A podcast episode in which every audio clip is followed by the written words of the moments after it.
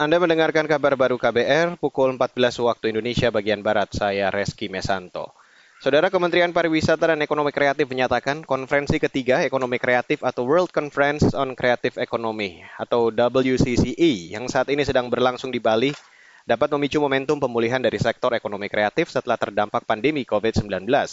Menteri Pariwisata dan Ekonomi Kreatif Sandiaga Uno berharap Indonesia bisa menjadi pemimpin yang membawa semangat perubahan menuju perkembangan ekonomi kreatif yang lebih baik. Kami yakin Indonesia mampu di bawah kepemimpinan Bapak Presiden dan saya juga melihat bahwa target pencapaian 4,4 juta lapangan kerja baru di sektor pariwisata dan ekonomi kreatif di tahun 2024 bisa tercapai.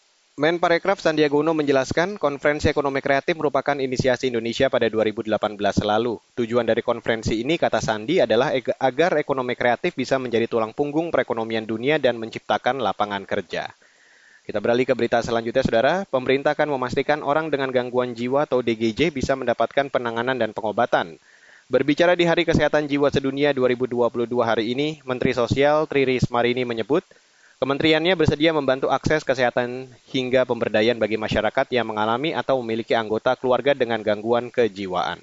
Jadi untuk saudara-saudara kami di seluruh Indonesia yang memiliki keluarga yang mengalami gangguan kesehatan jiwa, mari kita sama-sama selesaikan. Bukan menghakimi mereka, tapi menyelesaikan karena mereka juga makhluk Tuhan, sama seperti yang lain. Seperti itu kira-kira. Jadi Bapak Ibu sekalian, dorongan ini harus kita terus sama-sama kampanyekan. Saya tahu itu tidak mudah, tapi bukan tidak bisa. Menteri Sosial Tri Risma ini menambahkan, Hari Kesehatan Jiwa Sedunia ini menjadi momentum perubahan perlakuan terhadap orang dengan gangguan jiwa. Risma juga berharap tidak ada lagi keluarga atau siapa pun yang mengasingkan atau memasung orang-orang dengan gangguan jiwa. Saudara, Filipina membuka peluang membeli bahan bakar minyak Rusia di tengah lonjakan harga energi global. Hal itu diungkapkan Presiden Filipina Ferdinand Marcos Jr. dikutip dari Reuters. Selain bahan bakar minyak, Filipina juga membuka opsi mengandalkan Rusia untuk pasokan pupuk ke negara mereka. Saat ini Filipina tengah kekurangan pasokan bahan bakar dan pupuk imbas invasi Rusia di Ukraina. Selain menyinggung masalah bahan bakar, Marcos juga ingin memainkan peran penting mempromosikan perdamaian regional. Dan saudara, Demikian kabar baru, saya Reski Mesanto.